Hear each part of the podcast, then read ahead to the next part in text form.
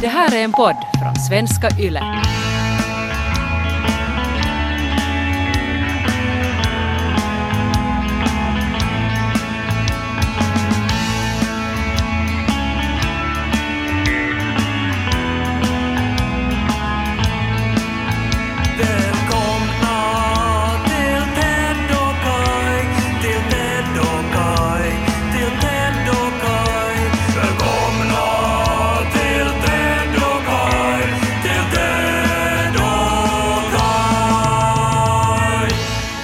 Har tittat väldigt mycket på smurfarna den senaste tiden.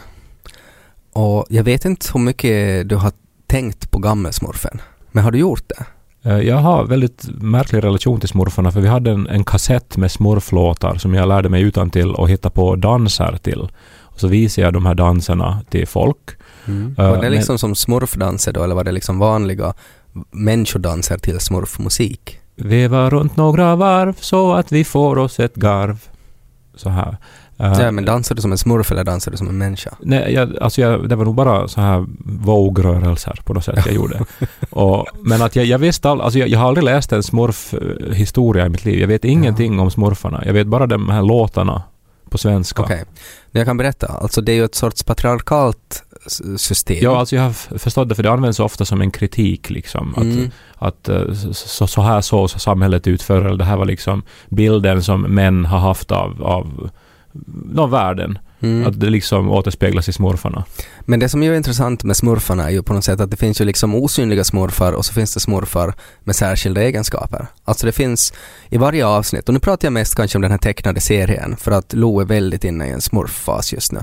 Eh, och eh, då finns det ju då liksom arg-smurfen eller muskelsmurfen eller smurfan. Alltså sådär att de har en definierbar egenskap och så är det hela deras väsen. Det är ju en utmärkt metafor för vår tid också, där identitetspolitiken har blivit så stark. Att alla ska ju vara någonting speciellt. Att jag, Mm. är, jag är en sån som alltid kommer för sent. Ja, ska, och ska smurfarna liksom göras i modern tid så ska det finnas liksom surfplattesmurfen, uh, så här som är smurfen och sådär. Vilken är din smurfegenskap som skulle definiera hela dig då? Alltså utåt sett är det ditt skägg förstås. Alltså du... Att jag ska vara skäggsmurfen. Håriga smurfen, för det är inte bara skägget, det fortsätter ju vid Gud. Ja. Uh, men det här, så hårsmurfen då? Ja, nej men det skulle jag säkert vara. Smurfen som har genomgått puberteten. Ja, men, men kanske det ändå är viktigare då med någon själslig Ja. egenskap. Du, du skulle vara så här mångsidiga smurfen. Men det är ju nog otroligt tråkigt det. Mm. Det är ju som, som eh, när jag fick stipendier i lågstadiet för god allmänbildning. Man vill ju inte vara god allmänbildningssmurfen. Man vill ju vara just så här muskelsmurfen eller enorm penissmurfen. Alltså någonting som faktiskt är en mätbar egenskap för helvete. Inte god allmänbildning. Ja. Ja, ja. Det skulle ju säkert vara författarsmurfen. Ja, kanske Eller gaysmurfen. Ja. Gaysmurfen finns ju den, för det är ju han som har den där blomman. Det finns ju en Är smurf. inte alla smurfar gay och de Nej. är alla kåta på pappa smurf? Nej, de är alla kåta på smurfan. Det är det andra sättet jag känner till smurfarna på via de här gay-memesen som Finns finns. det gay-memes med smurfar? Oj, vad det finns. Ja. Nej, men det är ju de- daddy. Han är ju, han är ju deras daddy. Ja, Liksom. han är ju en bear också. Verkligen. Han har väl skägg. Den enda som har skägg. Men intressant, för jag ville prata just om gammelsmurfen, för att just med den här grejen då att eh, alla smurfar har egenskaper, så han har ju inte alltid varit gammelsmurfen. Är lite kurios med smurfar också, att de blir ju kanske 600 år. De lever ju väldigt länge. De är ju magiska varelser ifall du inte visste det. Ja, alltså nu Men- har han ju ganska länge varit gammal smurfen. Han har varit ganska länge gammelsmurfen, jo, men det jag funderar på är att har han varit någon annan smurf före? Nå, det är ju den här utvecklingen som bögar eh, går igenom. Att det startar ju då som den här eh, liksom party-twinken, alltså den här jättesmala. Startade så för alla homosexuella? Nej, men där man kommer ut ur skåpet, flyttar till storstan då från Kurikka eller var man nu då har växt upp i skåpet. Så då liksom Då går man man, och köper en sån här ärmlös eh, tröja eh, som visar lagom mycket hud och så går man ut varje helg på klubb. Okej. Och sen så växer man och får lite skägg och lite massa och så blir man till den här uh, ottern som det heter då. Otter. jag lär mig så mycket nytt. Finns det ännu liksom så här Wolverine eller Moose? Ja, det finns nog sådana också. Ja. Uh, där emellan, innan man blir otter, så är man eventuellt en sån här, vet du, som en, en hunk på något sätt då, om man är en sån som tränar. För att man, Okej. man liksom blir där kring 25-26. Men inte kan man ju vara liksom tränad först och sen bli en otter. Nå, nå, för att sen så, så man blir ju oundvikligen äldre och man måste ju alltid utnyttja en, en, en ålders bästa egenskaper. Så då när man då Ja. börjar få de här ålderstecknen i ansiktet så går det alltid att skaffa den här skäggstubben då. Och då blir man otter. Då blir man en otter. Okej. Och sista stadiet är ju den här daddyn då. Ja. Tack för den här infon, men det jag egentligen funderar var just att för att det är så svårt att säga vad gammelsmurfens utmärkande egenskap är för att han är ju vis och han är ju en, en, en väldigt skicklig alkemist.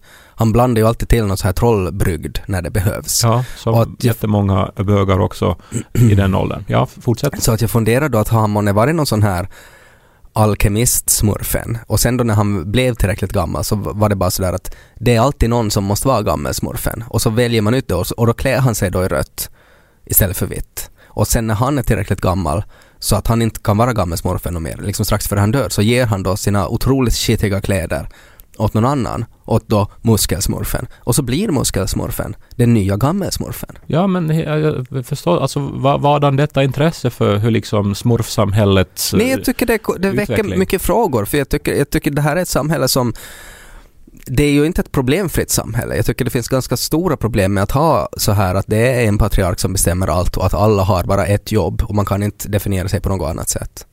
Jag skulle ju passa väldigt dåligt i Smurfbyn tror jag. Att där så, så sympatiserar jag ju med Gargamel. Han är ju på något sätt så här besatt av att de, deras kroppar är otroligt bra, alltså de är så magiska så att de är en bra eh, komponent i häxbrygder. Eh, och att jag tror ju att om jag skulle på något sätt hamna i smurfvärlden så skulle jag antagligen hjälpa Gargamel att fånga dem. För att du har så bra kropp. Tänker du på de där ottrarna nu? Ja, Jag, må- alltså jag inser att jag måste ju läsa smurfhistoria. ja det finns ju mycket. Jag jag- kan jag- ju redan danserna också till de här låtarna sen. Jag försökte också göra lite research inför det här snacket som vi just har haft om, eh, om just skaparna bakom smurfarna. Men det fanns eh, inget juicy överhuvudtaget. Väldigt tråkigt. Den här blå färgen då, var historien. Mm. Nå säkert något så här med tryck att det var liksom det billigaste. Så brukar det ju vara. Blå bollar är ju också någonting man kan drabbas Men av. det är en myt. Nej, det- är verkligen inte en myt. Det finns inga så här eh, biologiska bevis på att det ska När vi existera. for till hälsovårdaren i högstadiet Mm. så fick vi rekommendationen tre tömningar i veckan. Mm. Och eh, får man inte minst tre tömningar i veckan, nu tycker jag det är i minsta laget, men så, så, så börjar det ju göra ont ganska snabbt. Och det är en så här strålande smärta som strålar Ja. ut liksom i Fortfarande, jag skulle magen. vilja se den liksom eh, vetenskapliga artikeln där det står och inte av något hälsofräso i Pedersöre som tycker att det är bra att unga gossar töms tre gånger i veckan. Samman eh, som precis har pratat tio minuter om smurfarnas sociala nätverk.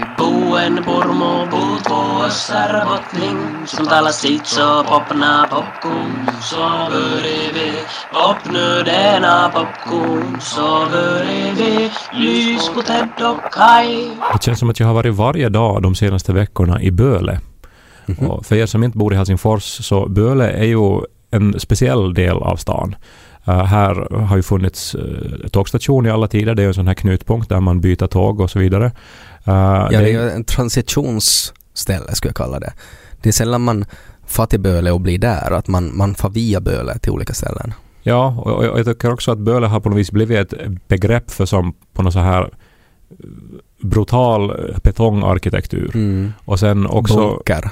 Ja, men, men att liksom alla, stä, alla stora städer ute i Europa har ett Böle, brukar jag Ja. tycka. Det är funktionellt. Det, är inte liksom, det behöver inte vara visuellt tilltalande. Men det ska vara liksom funktionellt eh, och att det säkert har det någonting med lokaltrafiken att göra. Att det behövs ett sånt här ställe som är bara som en, ett betonghelvete med en massa tågspår. För att det måste finnas en sån. Och nu har man ju då försökt utveckla Böle med att eh, bygga eh, det största köpcentret i stan Mm. här nu då, som ju har öppnat. Och, eh, och det är väldigt omtalat. Många kritiserar det för att det är så fult. Ja. Jag är en av dem som tycker att det är ju fint att det händer någonting. Att Ja. man som försöker göra någonting. Jag tycker också att det är fint att det händer någonting. Men att klart, om man nu ska satsa några miljarder så finns det kanske vettigare saker att satsa på Ja. än ännu ett köpcentrum. Exakt. Nåja. Men jag har varit här av olika orsaker. Vi var ju med i relationspodden Mm. eh, med Norren och Frans. Det var vi. Och det spelades in vid Yle som ju finns i Böle. Det var Mm. väldigt roligt tyckte jag, Ja. att få vara med i en annan podd. Det var, det var kul var det och det var, märkte just att det blev liksom eh, annan känsla direkt när man är fler som pratar. Att nu handlar det bara inte om att lyssna på dig och ta ställning till vad du säger och på något sätt underhålla dig utan att nu är det liksom två vackra damer som man vill göra samma sak åt också. Lite, li- lite grann, alltså i Sverige har de ju en längre poddtradition men där är det ju sedan länge att sådana här poddare interagerar med varandra. Mm. Och att man intervjuas i någons podd och så är man gäst i någon annans Ja, podd. Och så man här. networkar och Ja. sprider eh, uppmärksamhet åt varandra. Men lite coolt ändå. Ja, Och jag menar om vi skulle få lite av det till Svenskfinland också skulle det inte vara ganska kul. jättekul skulle det vara. Du brukar ju vara, vara otrogen med den här 85-95-podden och sånt. Mm. Har de frågat dig någonsin? Nej, aldrig. Nej. Mm. Men vi var i relationspodden och pratade om manlig vänskap. Mhm. Och det var då i egenskap av att vi är karlar. Och de är inte. Ja. Så därför var vi inbjudna. Men också på något vis som att, att det är någonting ovanligt med manlig vänskap. Som, Ja, som men- vi, eller som att vi är på något vis så här udda fåglar. Lite grann. Eller men det den är- känslan fick jag. Det är ju lite det. Jag var ju inne på någonting, alltså man får ju hemskt gärna lyssna på den där podden så får man höra precis vad vi sa. Eh, Men att jag var lite inne på det där att jag tror att så här rent generellt så tror jag att karlar umgås som vänner via någonting annat. Alltså att man umgås när man spelar fotboll eller gör mat eller jagar eller whatever.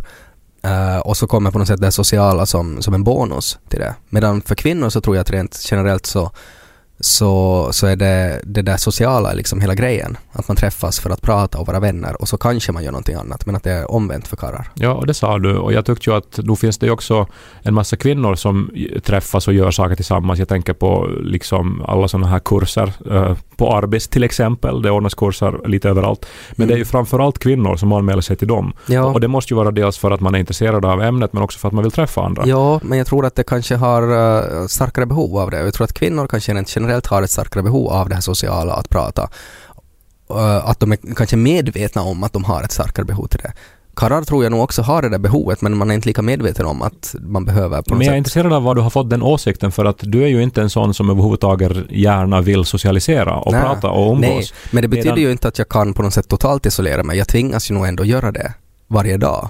Ja. Och då kan jag ju observera hur andra är. Och sen jag igen då, så umgås ju bara typ socialt. Alltså visst har jag i tiderna också typ spelat i band och liksom haft människor som jag har joggat tillsammans med och så här. Mm. Men oftast om jag träffar en man eller en kvinna så är det för att jag vill prata och skvallra och umgås Mm. och så här. Och, så jag, jag vet inte då liksom varför man ska börja skapa stereotypa bilder.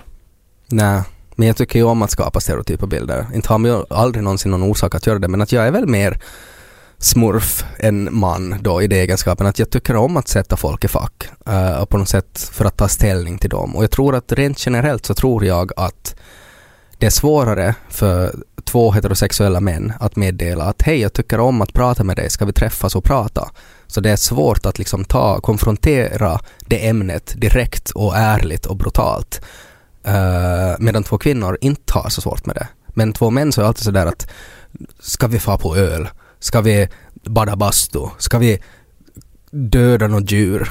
Eh, och sen får man att det är egentligen det man menar är att jag bara tycker om ditt face och vill se det och prata med dig. Men Sen- det kan man inte säga. Det här gay-sättet att bli vänner är ju att man först ligger med varann och sen så blir man vänner. Mm. Ja, Ja. du brukar ju jämföra homosexuella med hundar i det avseendet att man liksom, Blir de vänner för livet sen när de har legat? ja, Ja, okej. i princip. Här tror jag aldrig har jämfört homosexuella med hundar. Men Mm. Nej, jag tror det sa någonting så kanske det var jag som drog det åt det hållet. Men att det låter ju lite så. Att man liksom träffas, skakar hand, sniffar på varandra och sen har man sex.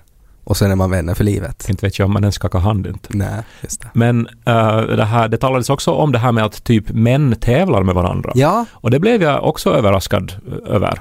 Eh, ska vi lyssna på vad vi sa där? Vi, vi kom ju lite in, men jag måste ännu fråga, apropå det här med tävling. Jag menar ändå, ni två eh, jobbar ju både tillsammans och var och en för sig i, i mediebranschen och, och så här.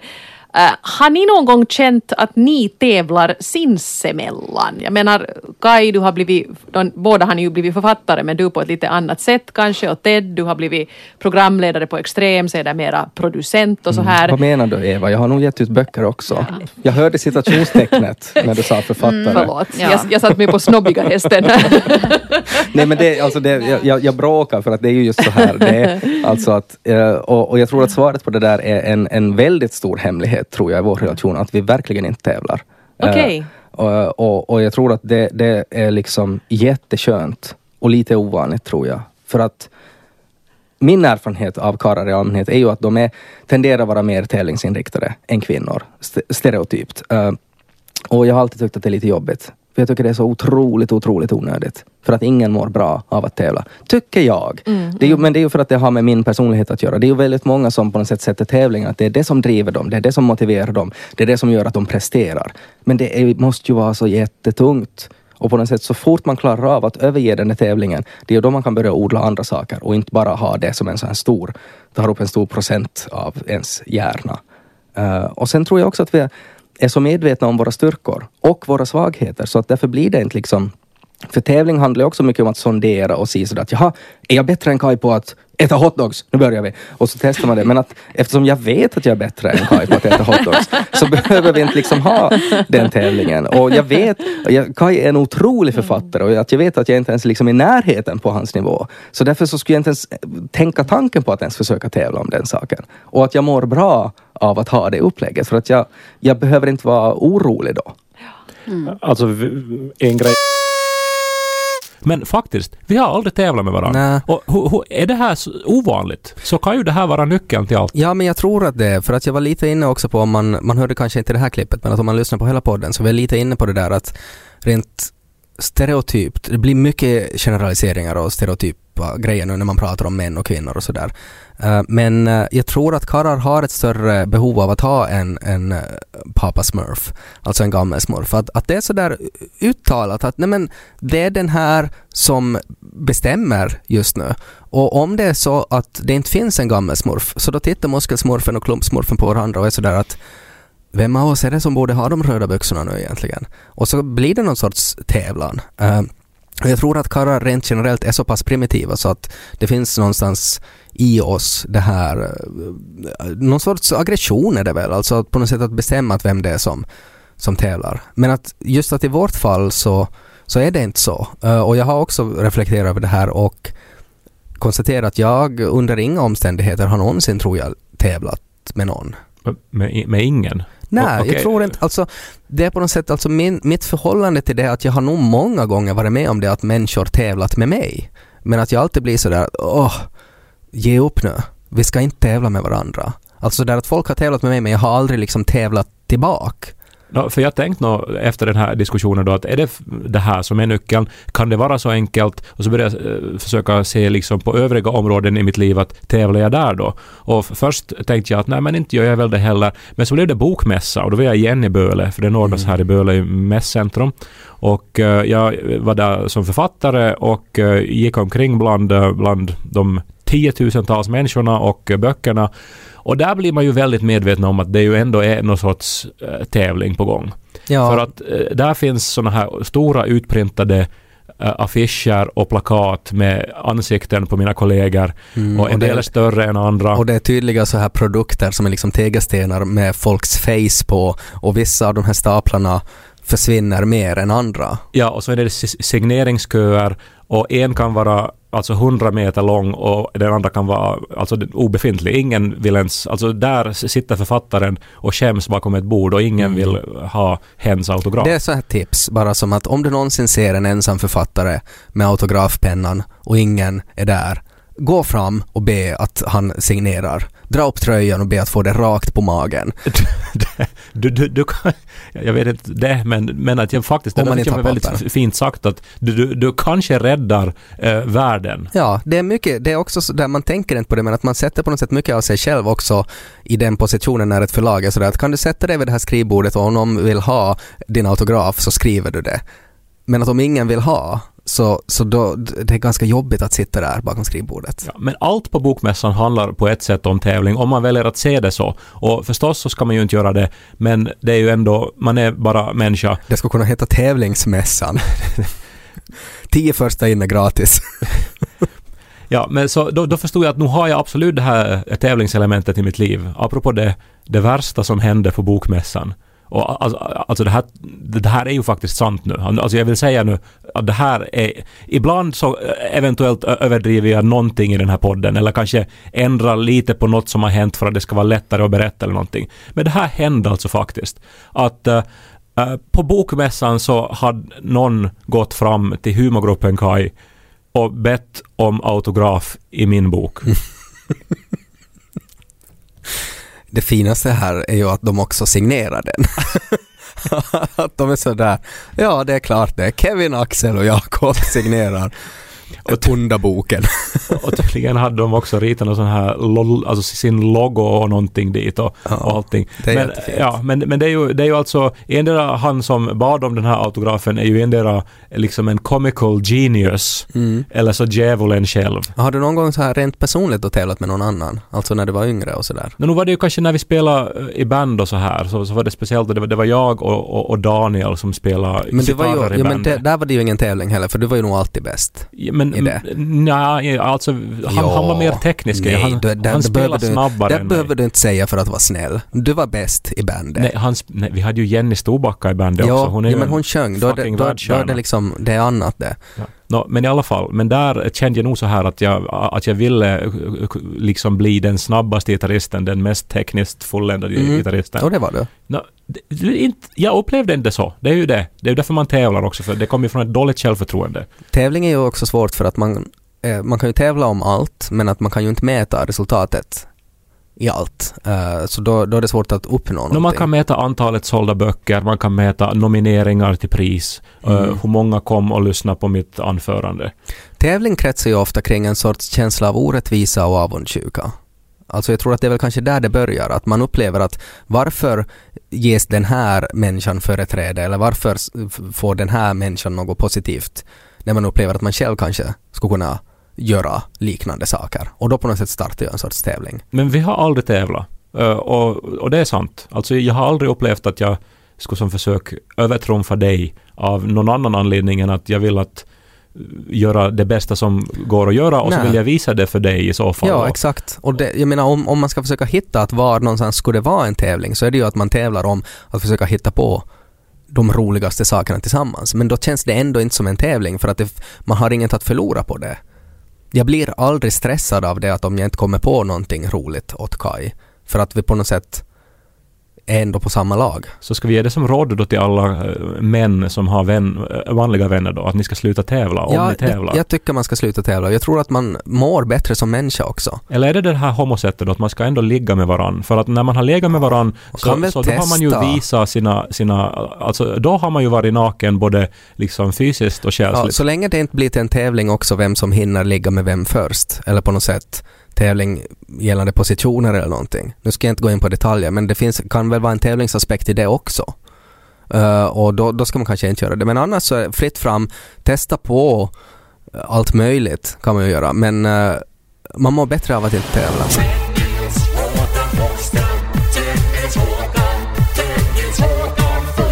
I övrigt var det nog fantastiskt att vara på Bokmässan, måste jag säga. Det var väl publikrekord, Ja, det var det också. så Och- de vann den tävlingen, att det var mest människor som det någonsin har varit. Ja, men de tävlar ju mot sig själva typ. Ja. ja och det, det är ju bra. Det kan man Kanske göra. det är det man ska göra, man ska tävla med sig själv. Och ligga med sig själv. Tre tömningar i veckan. Ja, precis. Tänk vad det hör ihop fint. Allt hör ihop. Men där var en läsare som, eh, som gav mig ett äpple. Jaha. Det låter ju också som någonting som ska hända i smurfvärlden. Ja. Att det kommer en person och ger ett rött äpple och skrattar ondskefullt och försvinner i ett rökmoln. Nå, dels så eh, finns det ju en risk att den här läsaren då har lyssnat på podden och vet att jag tycker om äpplen, för jag tror jag har nämnt det vid ett antal tillfällen att, att jag gillar äpplen. Mm. Men, eh, men, men, men jag har aldrig ändå som, tror jag, som vuxen fått ett äpple spontant av en främling. Och jag tänkte att det, det var ju väl någon grej för att elever skulle ge äpplen till lärare. Inte någon här Kalle Anka-grej. Mm, man ska gå in med det och så ska man gnida det mot sina byxor så att det skiner och så ska man ge det åt magistern. Och, Vad gjorde magistern med alla äpplen då? Aha, alltså det var väl på något sätt, det är ungefär som att få en Fanns det som en så här eh, mustfabrik då i lärarrummet eller något? Men det var väl, alltså äpple var ju på något sätt, det var ju som en lyxvara. Det, det var ju som att, att, att en elev kommer in och ger en 80 euro. Liksom den tiden, så att det var liksom rena pengar, men det var ett äpple. Man tar fram sin sedel Han och får liksom väl- stryker den så här så den blir platt och så lägger man den på katedern. Jag vet inte vad de gjorde med äpplena. Men äh, ingen vet ju. Men, men i alla fall så, alltså det har en sån här är av att det är liksom väldigt eh, re, respektfullt och, och som på något vis klassiskt Ja. ändå. Som, alltså som en, är det en fin gest, typ som att man får en medalj eller någonting? Ja, men det är ju någonting, alltså om man tänker på alla frukter också, så äpplena är ju väldigt på något sätt så här symboliska också. Jag tänker på Newton som fick ett äpple i huvudet. Jag tänker på Adam och Eva. Men det var inte äpplet. ett äpple, det var en frukt. Ja, no, det vet vi väl för helvete inte. varför om det nu var någonstans dit i Israel, var det säkert en Ja, men apelsin nu eller pratar någonting? jag om symboler och att det har ändå symboliserats av ett äpple. Att äpplet har ett starkt symboliskt värde. Säger jag, Dan Brown. Ja, nej men det var underbart och liksom tänk, alltså en läsare då som hade åkt då långa vägar eh, och plockat ett äpple hemifrån eh, och, och bara för att liksom ge det till mig och vara vänlig. Mm. Så f- eh, bara, jag mådde bra länge efter Mm. det, ska vi säga. Ja, var det gott då? Du kan inte fråga det här för jag har inte ätit det ännu för att det är så fint så jag har som haft det hemma där. Men det blir ju dåligt. Ja, men jag vet det där, men alltså man, men att det är på något vis Ja, men jag har det där, alltså det är jättevackert och jag blir varm i själen när jag tänker på det. Så att äta upp det då och så är det borta. Så hellre har jag det där nu en stund ännu. Och ruttna i skåpet. Nej, sen äter jag det förstås. Men det har ruttnat? Nej, innan, just innan. Det Strax finns ju en, innan. ett fönster där när det är som allra godast och, Mm. och har hunnit vara vackert en, ett tag. Det, har du det i köksfönstret? För det är också sådär att det kommer att komma en, en tjuv, en luffare kommer att gå förbi och se det där smaskiga äpplet och sträcka in en skitig hand och ta det där äpplet. Det var bättre förr på 40-talet, tänker jag mig att det här hände. Ja, det var ju andra världskriget.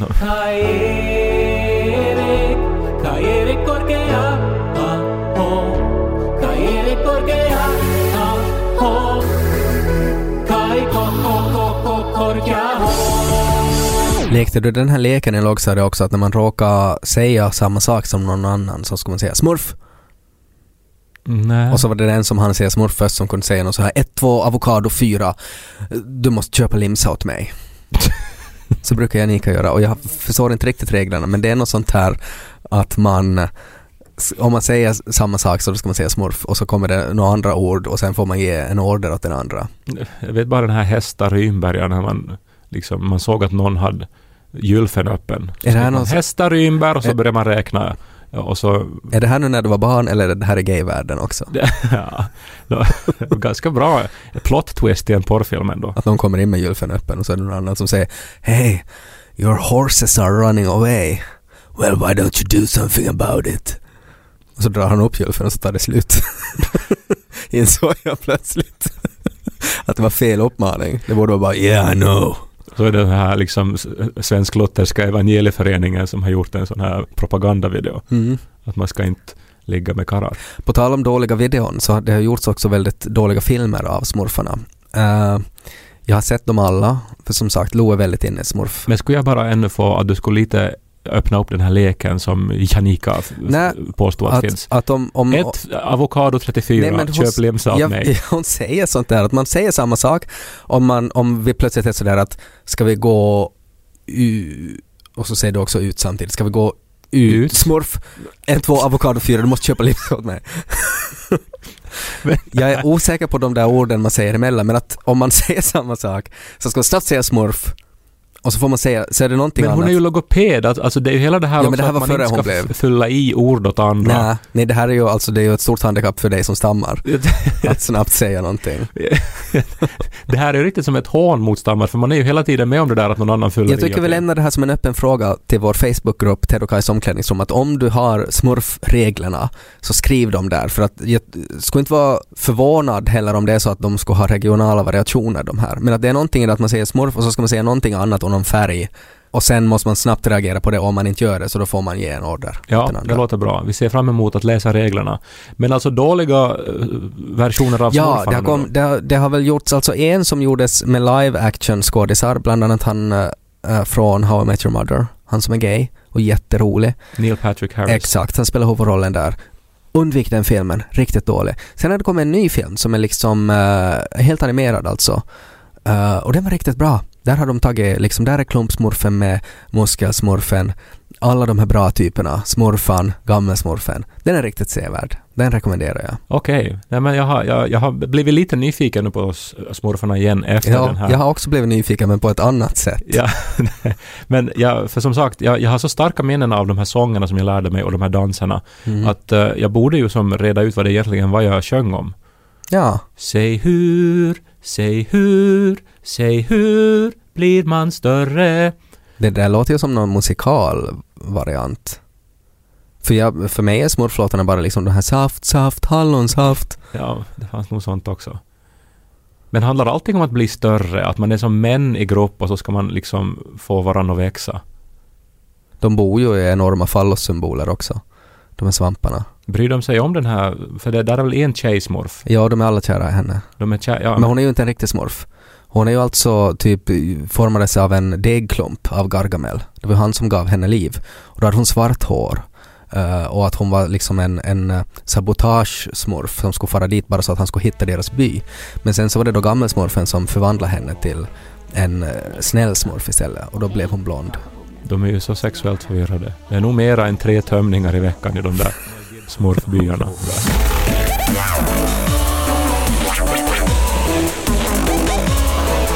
Mel Gibson.